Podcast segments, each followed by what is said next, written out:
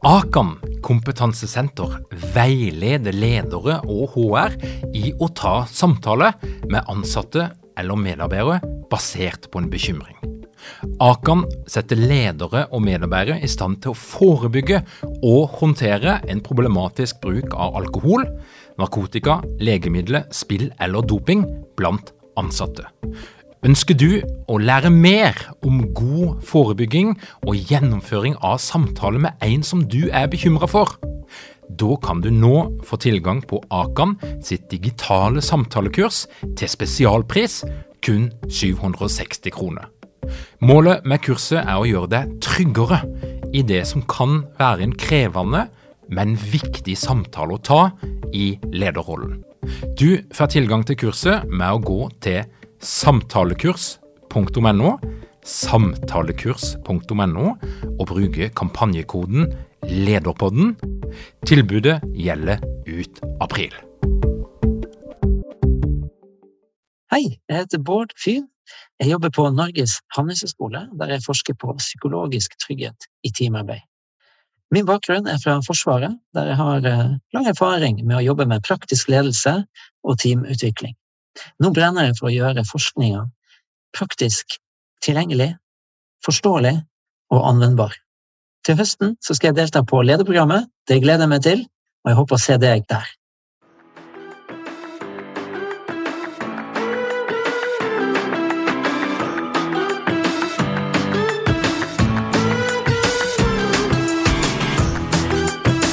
Velkommen til Lederpodden.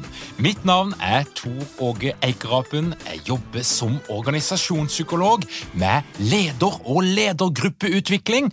Og Lederpodden er podkasten der jeg prøver å finne ut hva er det som skal til for å lede og utvikle fantastiske organisasjoner der folk har det bra og gjør det bra.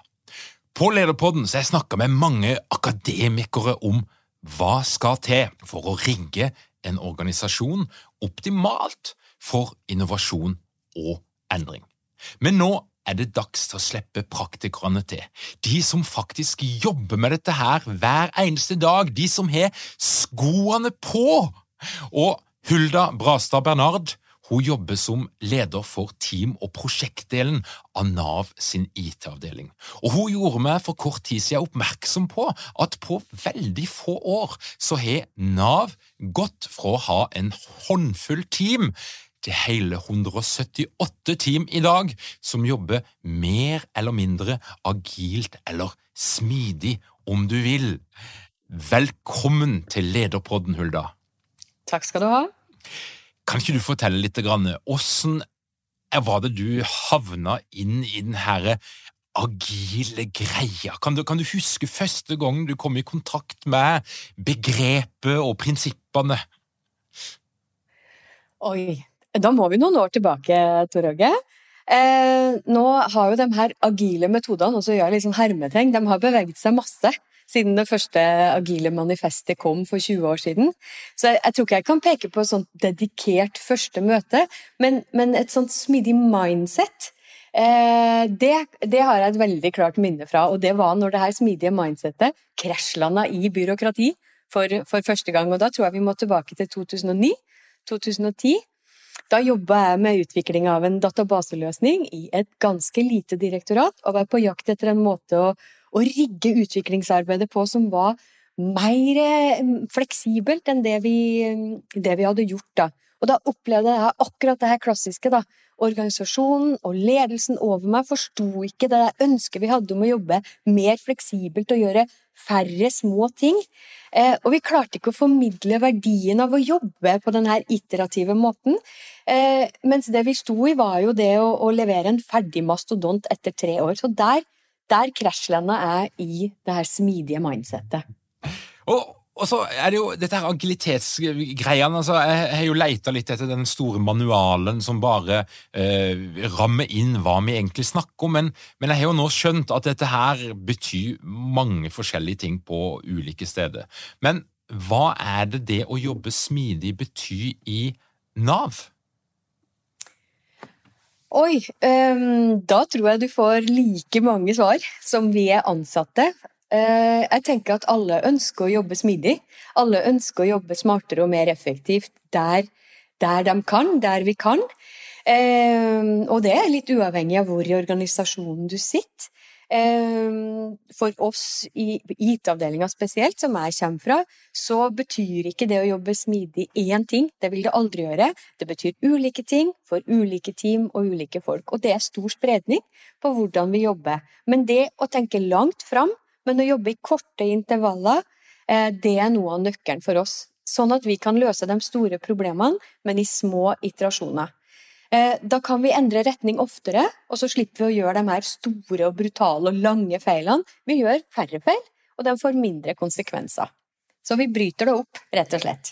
Og, og 2015 det er et årstall som sånn, liksom markerer en endring i Nav. Kan ikke du dra litt sånn de store linjene, og er det som er skjedd for noe eh, i de her årene siden et eller annet ble litt forandra? Ja, eh, og så er Nav stort. Eh, det er en kjempestor organisasjon, og du har direktoratet, du har linjene ute. Men hvis vi løfter oss opp til det her helikopterperspektivet, da, så starta vi så, så, i 2015 så hadde vi det tunge byråkratiske maskineriet. Vi hadde de eksterne leverandørene. De leverte akkurat det vi bestilte. Eh, og, og, det gjorde vi da, vi produserte det i store hovedleveranser. Så det vi har gjort nå, er at vi har gått fra denne tunge maskina til å levere smått og kontinuerlig. Og vi leverer eh, 1300 produsettinger i uka nå, og det er, er massiv endring på få år. Så det vi har gjort, er at vi har tatt eierskapet. Vi eier løsningene våre sjøl. Vi har gradvis veksla inn eksterne medarbeidere og, og, leverandører med interne utviklere, interne designere. Vi har bygd opp egen kompetanse, og vi jobber i team. Vi jobber i tverrfaglige, eh, smidige og selvstyrte team, og vi har mange av dem. Og så er det ikke sånn at det ikke var team før 2015, misforstå meg rett, men ikke i den formen vi har i dag. Før så var det leverandørstyrte team. Det var store prosjekter, gjerne fossefall, og det var store porteføljer eh, som skulle planlegges og, og, og i detalj og overleveres. Å, så mange overleveringer. Og hver gang skal alt kontrolleres og testes før det blir produsatt. Så det vi mista da, og som vi har fått nå, er rommen for endring mellom, eh, mellom eh, de store leveransene våre. Så vi har rigga oss for å kunne gjøre endringer, at vi skal være mest mulig tilpasningsdyktige og ha den friheten til å gjøre korrigeringene uten at det koster skjorta. For nå er det vårt ansvar, ikke en leverandør. Og den der eierskapsfølelsen, kjempeviktig når du skal jobbe med produktutvikling. Og Da er vi jo inne på stammespråket, du, for nå, nå må du hjelpe meg. Prodsetting, Forklare det litt sånn med teskje. Hva, hva betyr det for noe? Ja, når man gjør en endring i en teknisk løsning, så, så gjør du jo den på kammerset, og du tester den på, i ditt eget testmiljø, og så setter du det ut i produksjonen. Du slipper den endringa ut, sånn at brukerne faktisk får den nye knappen eller den nye valgmuligheten eller nye søknadsskjema. Så det er produksjonssetting. Det var det jeg mente da. Ja, ja veldig, veldig bra. og det, det, er bare, Jeg tenker vi, vi trenger liksom å få de her tingene inn. Uh, og det, um, Nav, dere har et kjempestort samfunnsoppdrag alle har et forhold til Nav. Vi snakker ofte om liksom det å gå på Nav, men alle må gå på Nav av og til. Eh, vi må fikse ting. Det kan være pappapermisjon, det kan være sykemelding, det kan være det ene eller det andre. Men, men hva er, hvis vi skal liksom løfte perspektivet litt, hva er gevinsten for oss som innbyggere og for samfunnet av at Nav har endra sin måte å jobbe på? Ja, vi ønsker jo å levere stadig bedre produkter og tjenester. For når vi kan gjøre de her tilpasningene oftere og få de her forbedringene oftere, så, så håper vi jo at vi eh, sakte, men sikkert, må jeg si, gjør ting lettere for brukerne våre. At vi automatiserer og forenkler det vi kan for dem som har en enkel sak. Eh, hvis du bare, bare, skal søke pappaperm, så var det en kjempejobb før i tida, eh, mens nå er det en enkel sak. Så det at vi forenkle der vi kan. Det vi vinner ved å forenkle for dem som har eh, lette saker, gjør at, vi kan, eh, at våre saksbehandlere kan bruke mer tid på dem som har sammensatte behov, og som eh, vi gjerne vil hjelpe i dybden. Eh, for vi vil jo at de her brukermøtene skal være så gode som mulig. Eh, og akkurat på, på foreldrepengeområdet, som vi kaller det, da, stammespråk apropos, så, så melder jo brukerne våre nå at det er stor forskjell på å søke om foreldrepenger nå enn det var f.eks. når jeg søkte mammaperm før i tida.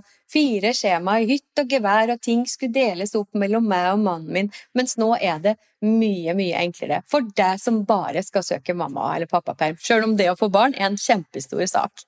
Eh, men hyppige endringer, bedre løsninger og mer fokus på brukerinvolvering, at vi blir flinkere til å be om tilbakemelding fra dem som faktisk bruker løsningen vår, og at vi er mer oppmerksom på hvordan vi kan gjøre det enklere. Noe kan vi gjøre ved, ved å forbedre løsninger, men mye er også låst i regelverket som vi må forholde oss til. Eh, så det å kunne jobbe oppover og utover med å si de her reglene i lovverket vårt gjør at vi ikke får til å gjøre løsningen enkel, kan vi jobbe med regelverksforenkling også?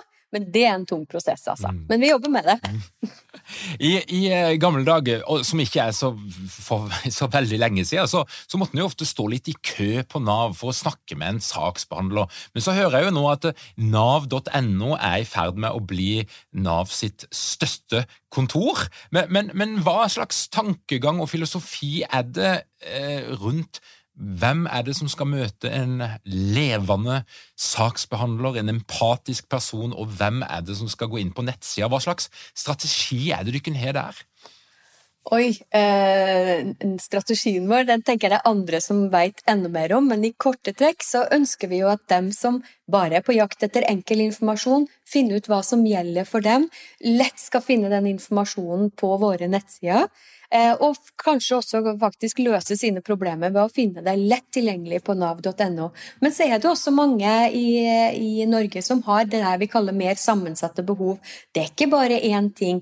Man trenger hjelp til flere ting for å få eh, god livskvalitet. Og akkurat dem brukerne dem tenker vi at vi ønsker å snakke med og ønsker å være tilgjengelig eh, på et mye mer personlig plan da, enn en, en det å gå på en nettside. Så vi, vi, vi, hjelper eh, dem som har lette problemer, prøver vi å hjelpe digitalt, men dem som har større har behov for mer, prøver vi å, å hjelpe personlig.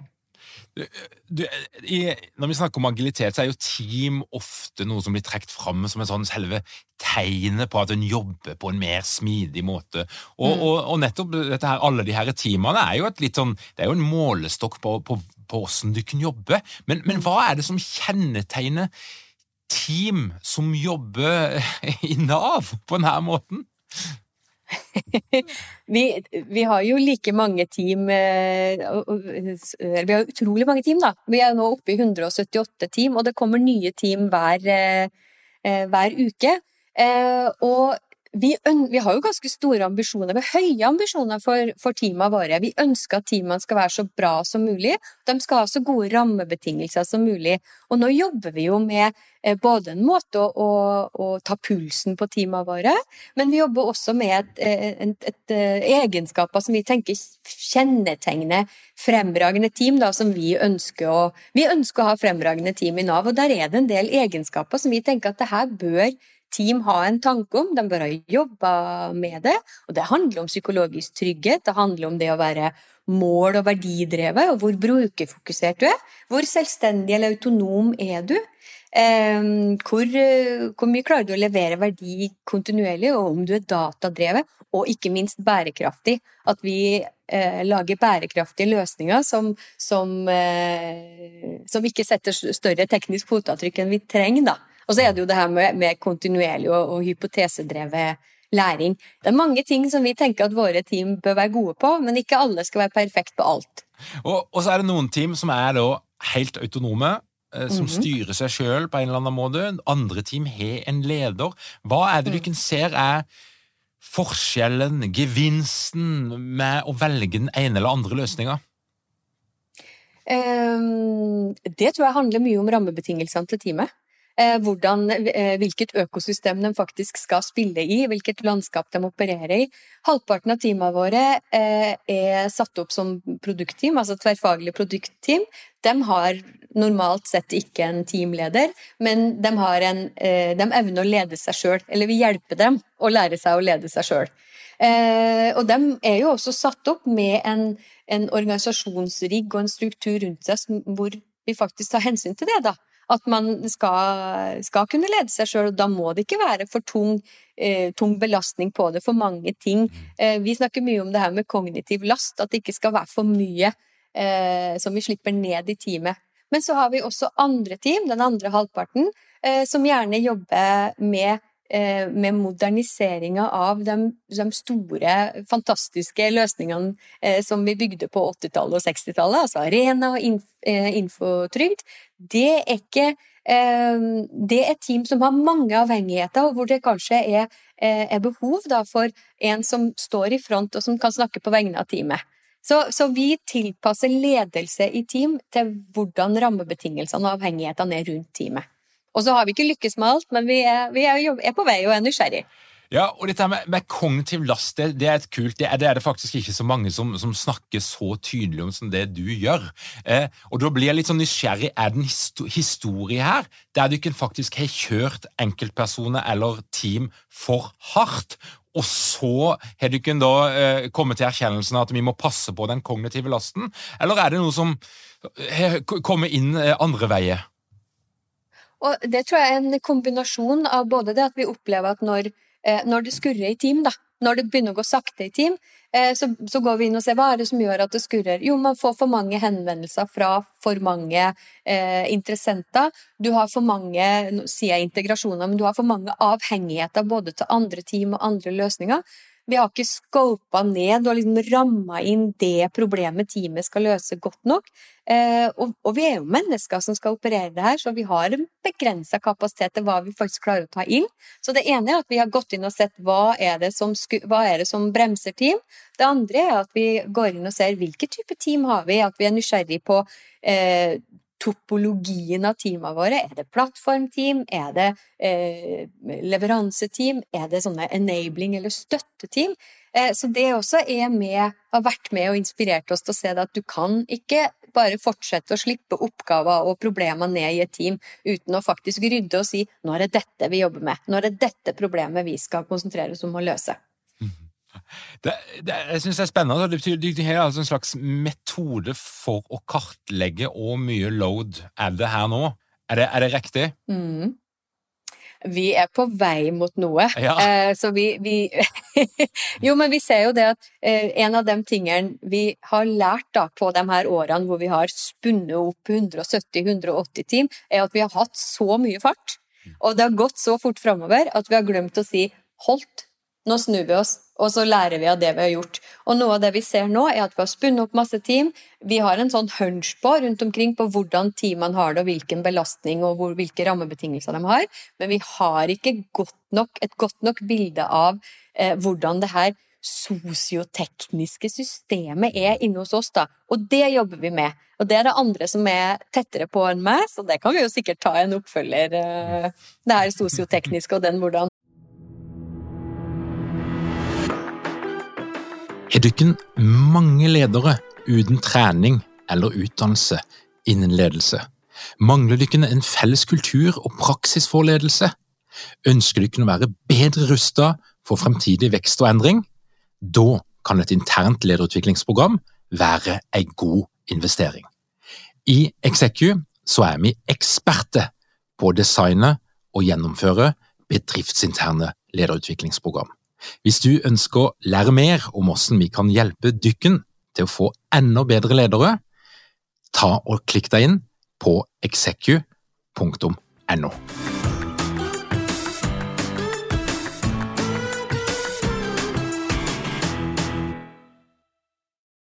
Hvordan teamene våre er rigga sammen, da.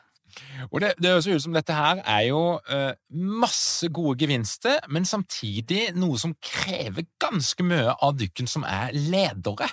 Hva, på hvilken måte er det det utfordrer deg i din lederrolle, at du kan jobbe på denne måten? Uh, du utfordrer på utrolig mange måter. Uh, og så tror jeg det er utfordrende ikke bare for ledere. Jeg tror ledere har én viktig rolle, men det er jo dem som jobber i teamene våre, og som leverer der, som det er, det er jo kjernen. Det er jo grunnfjellet vårt, det er jo kjernen vår. Men som leder så, så, handler det her om at man må slippe å gi, eller tørre å gi fra seg makt. tørre å si det at ok, før hadde jeg stålkontroll, jeg hadde leveranseansvar for 13-15 team, jeg visste hva som skjedde i hver krok av organisasjonen. Nå gjør du ikke det. Du må tørre å slippe det fra deg, og så må du tørre å ansette litt rebeller.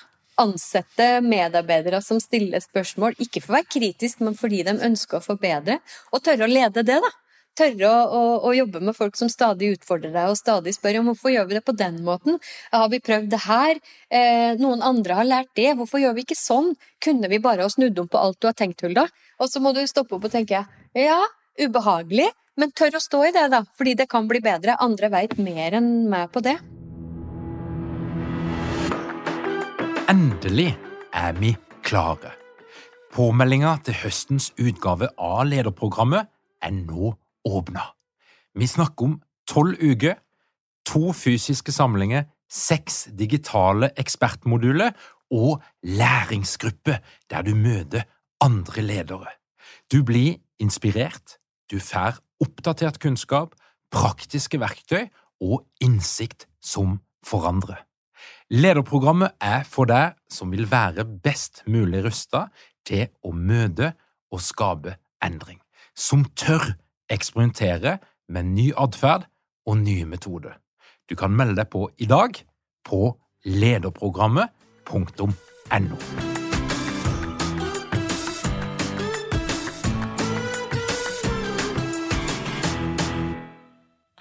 Og nå tenker Jeg vet at du kunne hatt besøk av Endre Sjøvold, stemmer ikke det? Jo, jo, det har vi. Og han snakker jo om dette her med, med altså det å stå i dette her spennet mellom lojalitet og opposisjon. Mm. Eh, eh, og i gamle dager så jobba jeg i, i, internettverden, og der husker jeg jo at det, det, var en del programmerere, og at det var liksom en egen stil, så, og de var stort sett i opposisjon, da. Eh, Åssen klarer de ikke å balansere dette her? Altså Å framelske rebellen og opposisjonen samtidig som du skal ha en grad av lojalitet for å få ting gjort? Ja, men, men, eh, men eh, du er jo ikke illojal hvis du er uenig.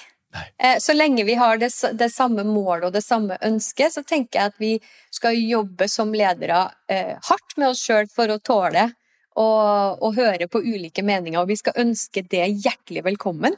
Eh, det er utrolig, på et personlig plan, utrolig lærerikt å, å stoppe opp og tenke hm, nå kjente jeg på litt motstand. Var det motstand fordi noen måtte var uenig for uenighetens skyld, eller uenig fordi de ønsker å forbedre noe og ser noe annet enn det jeg ser? Så det å, å sette på, Ta på den andre personen sine briller og si 'hva er det du ser, da, som jeg ikke ser?' Mm. Og koble det med ditt eget. Det er da det begynner å bli magi. Og dette Stammespråket, eh, team er jo en del av det, men, men mm. hva, hva, slags begreper og teorier og metoder er det du kan legge opp i den korva som, som kalles smidig? Hva er det folk snakker om? Oi, oi, oi. Ja, det, du vet jo sikkert like godt som meg at man, buzzordene flommer jo. Moteordene de, de, bare sildrer ned til oss fra Twitter, fra LinkedIn og fra ja, overalt så kommer de her moteordene. Og noen, jeg opplever at noen av dem slipper vi jo ned i organisasjonen, og så bare fisler det ut. og bare, Nei, det fikk ikke noe fotfeste. Andre ord blir hengende nettopp fordi det gir mening for oss. Eh, vi begynner å være nysgjerrig på det. Eh, og så skal vi være veldig nysgjerrig på ord og begreper, men vi skal ha antennene ute òg, fordi vi legger forskjellige meninger. Er akkurat som når vi snakker om smidig, så legger vi forskjellige ting til det begrepet. Eh, for oss så er det ikke et buzzord i det hele tatt, det er bare helt sentralt, det her med tillit. Vi skal ha tillit, grunnleggende tillit til dem rundt oss. Vi snakker mye om coaching inne hos oss, tror jeg.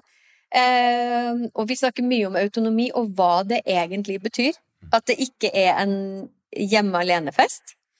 Eh, og de her fremragende teamene, og at vi på en måte veit hvordan teamene våre har det. Og, og, kognitiv last, selvfølgelig. Det har vi vært innom.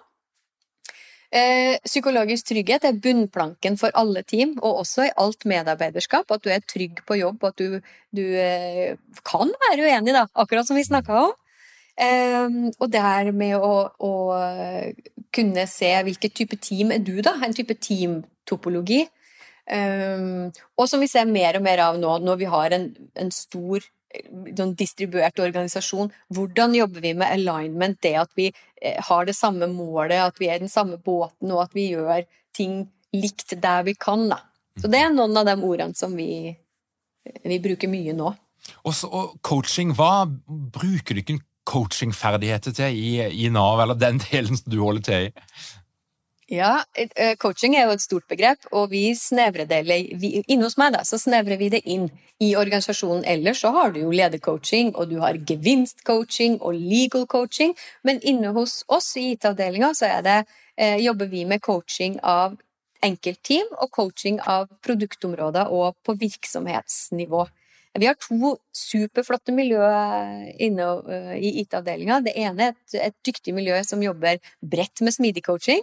Som hjelper produktområder å jobbe raskere og, og, smidigere, og hjelper dem med prosessene sine. Og så har vi et supert miljø som jobber dedikert med team. Det er de flotte teamcoachene våre. De går inn og hjelper team i de ulike fasene sine. Spesielt team som da ikke har en teamleder, og som da ser at hm, hvis vi skal være autonome og selvleda, hva trenger vi da? Hva må være i ryggsekken vår? Hva må vi være tryggere på da for å kunne ta den ledelsen sjøl? Så da setter vi inn coacher for å eh, Altså, da ber teamet, Nå retter meg sjøl, da ber teamet om en coach for å, for å eh, bistå dem i prosesser. For å bli mer sjølhjulpen. og da beskriver du egentlig en infrastruktur som dykken har fått for å lykkes med team? Er det, er det, altså, er det riktig at dette du må ha noe på plass for at dette her skal fungere. Det er ikke nok å bare ha autonome team. Du må ha noe rundt et støtteapparat. Ja, det er, en, det er, en, det er hypotesen vår at du må ha det. Og så er vi eh, nysgjerrig på hvilke, hvilke type støtteapparat trenger teamene våre da, for å få de beste rammebetingelsene. En av lærdommene fra når vi starta sånn brått med team, var jo at vi sa at ok, nå bygger vi opp team. Eh, slipper team og teamledere ned i organisasjonen, og så hadde vi ikke vi hadde ikke rammeverket. Vi hjalp dem ikke opp å stå. Eh, og det har vi tatt mye lærdom av nå. Da. Så nå har vi mye mer fokus på hva trenger egentlig team da, for, å, for å lykkes. Eh, og det ene er jo når vi skal spinne opp helt nye team. Det andre er jo de 178 som nå er ute og flyter. Eh, 75 av dem er jo tverrfaglige produktteam. Eh, hva, hva, trenger ulike team i ulike faser av sin, sin syklus, da? Det er jeg utrolig nysgjerrig på nå, og jobber mye med. Mm. Jeg er nysgjerrig på kultur, for at eh, Nav er jo så mangt, eh, og i noen sammenhenger så blir jo Nav presentert som et fyrtårn når det kommer til digitalisering, nye måter å jobbe på. Det er den ene sida av det. Mm. Og så er det kanskje noen omdømmegreier som henger igjen fra gammelt av, som er noe med at Nav er byråkratisk, det er svært, det er et tankskip som du ikke kan endre. Mm. Men, men på hvilken måte Skapes det kulturelle motsetninger, eller på hvilken måte utfordrer du ikke kulturen i denne måten å jobbe på? Ja, eh, det å jobbe smidig kan jo, eh, hvis man ikke jobber klokt med det, oppleves som en trussel. Nettopp sånn som det første eksempelet her, hvor jeg da kom inn og sa at nå må vi, jeg vil at vi skal jobbe smidig, og så forstår ikke eh, lederne det, så forstår ikke organisasjonen hva, som, hva det her kan være med på å forbedre, da. Men det, mye av det som vi ønsker, er jo at vi i mye større grad skal være brobyggere mellom fagekspertene og dem som er gode på IT. Fordi du får ikke gode eh, løsninger for brukerne våre hvis vi ikke har med alle parter i denne, eh, i denne prosessen. Og der hvor vi før kanskje satt på hver vår tue, så jobber vi mye mer sammen nå. Og en av de store grepene er jo at vi har brukt et, et, et stammebegrep, samla folk og kode i produktområder. Eh, sånn at dem som jobber med den samme livshendelsen, eh, er rigga sammen, både fag og IT. Og det er en av de store grepene som er gjort da. Vi har fått ganske mange sånne produktområder etter hvert nå som har hele og fulle ansvaret for eh, noen av de her livshendelsene, om det er arbeid eller helse eller pensjon eller hva det nå er. Da, da blir jeg jo kjempenysgjerrig. Det er jo ikke sikkert du har vært flue på veggen, men mm. når sosionomen eh, setter seg ned sammen med den frikete koderen, og så skal de snakke sammen om de samme tingene. Hvordan, hvordan ser det ut? Da tror jeg man øh, Å, nå prøver du å lure meg her. Eh, for vi, det er veldig ofte faktisk at sosionomen snakker med, med, koderen vår, og så er verken sosionomen det som vi tenker på, eller utvikleren det utvikleren er. For jeg opplever jo at de her 850 i vår IT-avdeling, det er ikke frikete kodere. Det er folk akkurat sånn som du og meg, men vi har ulik kompetanse. Men inne hos oss Tor Åge, så møtes de her faggruppene ofte. Det er nettopp det vi skal gjøre. Og den første gangen så tror jeg vi skal være veldig oppmerksom på hva det er jeg har med meg, hva det du har med meg, hva er det vi sammen skal prøve å løse. Så den aller første brobygginga, den tror jeg er kjempeviktig. Men etter hvert som vi blir vant til å jobbe i team, og vant til å jobbe sammen, og ha den der kanskje stadig mer rausheten for hverandres fagfelt, og se dette bringer jeg med meg inn og legger på bordet her, dette bringer du med deg. Sammen. Hva plukker vi med oss av det her da, for å lage gode løsninger for brukeren der ute? Så det betyr at koderne er blitt litt mindre kodete. altså De utvider feltet sitt, og det samme gjelder jo da for den andre grupperinga. For det er jo i, i utgangspunktet vil jeg anta to litt ulike kulturer, selv om ikke vi skal eh, putte de verste stereotypiene på. Ja, jeg vil ikke, jeg vil ikke snakke om stereotypier. Eh, vi har utrolig mye flinke folk, vi, og, og, noen er jo genuint opptatt av uh, det språket de koder og det de jobber med, og kan gå skikkelig i dybden på det. Andre har jo andre interesser, kan gå skikkelig i dybden på det. Men det at vi er rause med hverandre og, og, tenker at det, jeg skal ikke spille en rolle når jeg kommer på jobb, jeg skal være den autentiske jeg er. Det gjør jeg også når jeg kommer på jobb. Jeg spiller ikke en rolle. Jeg er meg sjøl. Og hvis vi alle er oss sjøl, så, så, tenker jeg vi, vi klokt eh, lærer hverandre å kjenne. Og det handler jo om å bygge den psykologiske tryggheten, da. Ja, det er utrolig gøy. for jeg tenker at Psykologisk trygghet er jo sånn et ord som jeg liker å bruke i mange sammenhenger. Mm. Men når du putter mennesker som kommer fra veldig ulike fagbakgrunn sammen, ulike typer kulturer, så, så gir det jo veldig mening. Eller du setter det på prøve, da. Det blir viktig. Mm. Gøy. Eh, hvis du skal kikke inn i krystallkula, eh, la oss si en fem-ti år, hva er utviklinga? Hvordan ser Nav ut om ti år? Hvis du skulle bare gjette bitte lite grann? Oi. Eh, nå vet jeg det jobbes med ny virksomhetsstrategi, da. Eh, og hvor man har gjort en hel eh, rekke tanker sånn framover. Hvordan ser Nav ut? Hvordan ønsker vi at Nav skal være i 2030? Mm. Eh, og, og, det arbeidet det blir lansert om ikke så lenge. Så den tenker jeg at vi skal, eh, jeg skal heller holde spenninga oppe på. Men det at vi fortsetter nå Nå har vi jo brukt masse tid og krefter på å modernisere mye under panseret i Nav. Vi har gjort det lettere for oss å bygge gode løsninger, eh, og det er liksom det første, første byggesteinen, grunnmuren i moderniseringa, at vi nå i løpet av de neste årene klarer å, å, å, å lage enda flere gode løsninger, ta inn enda flere av de eh, saksbehandlingsløsningene som gjør det lettere for folk ute der. Jo lettere vi klarer å gjøre det, jo bedre er det. Og så har vi gjort masse grunnarbeid nå. Så nå er det liksom å legge på det neste steget da, for, eh, for sluttbruker. Hvis du skal gi dine beste råd til ledere der ute som har lyst til å teste ut denne måten å jobbe på, de har lyst til å være mer smidige, de ser at her er det noen gevinst å hente, mm. hva kan de lære av deg og dine folk? Mm. du, første og viktigste, ha tillit til folka dine. Ha grunnleggende tillit til folka dine, og så må du være tålmodig. Det har jeg lært meg etter hvert. Det å få til endringer, det tar tid. Um, og så må du være litt visjonær. Uh, vi trenger gode historiefortellere. Uh, vi må kunne engasjere og inspirere. Og er du ikke det sjøl, knytt til deg en historieforteller. Um, vær ydmyk overfor bruk av nye metoder. Ikke sitt på gjerdet og, og, og, vent. Bare test og prøv. Vær klok på hvilke muligheter du bruker også. Eh, og kanskje også det her med å tidlig begynne å koble fag og IT. Begynn å bygge den broa. Ta alle fagfelt med på, på veien. Eh, forståelse og raushet for hverandre sitt fagfelt. Eh, vi har brøytekjørt, eh, og tro meg, vi har brøytekjørt på en del, og vi har lært masse. Og dem rundt dere har også sannsynligvis brøytekjørt. Eh, bruk de erfaringene. Eh, ikke sitt i en krok sjøl og moderniser. vær nysgjerrig og kom og spør. Um, også det med å kommunisere budskapet gang på gang på gang på gang. Gjenta og gjenta. Tydelig eh, få fram visjonen din. Og så, tenker jeg på det personlige planet, som leder. Eh, jobb med din egen frykt for å miste makt og innflytelse. Vi skal flytte makt nedover, vi skal flytte makt utover. Det hele poenget med smidig er å flytte det ut dit det skal være og oppfordre medarbeiderne til å være rebell. Eh, og da må du tåle, å stå i det også. Tål å lede en gjeng med rebeller. Tusen hjertelig takk, Hulda. Dette her var gode ord, og deilig å få en person inn som faktisk er midt oppi dette her. Ikke bare teoretisk, men også praktisk. Tusen hjertelig takk for at du kom til Lederpodden. Tusen takk.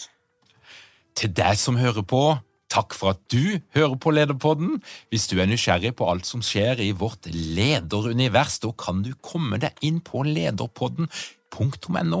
Legg igjen din e-post, og du får vårt nyhetsbrev hver eneste fredag. Vil du lære mer? Er du nysgjerrig? Er du sugen på inspirasjon? Vil du møte andre ledere? Da har vi et nettverk for deg, en forening, en klubb. Vi kaller det for Ledernettverket, og du kan melde deg inn på ledernettverket.no. Takk igjen for at du hører på Lederpodden. Vi høres igjen om ei uke.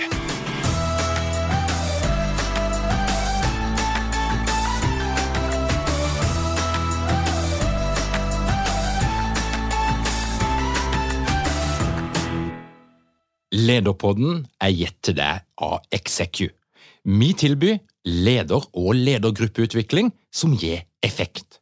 Les mer på execu.no.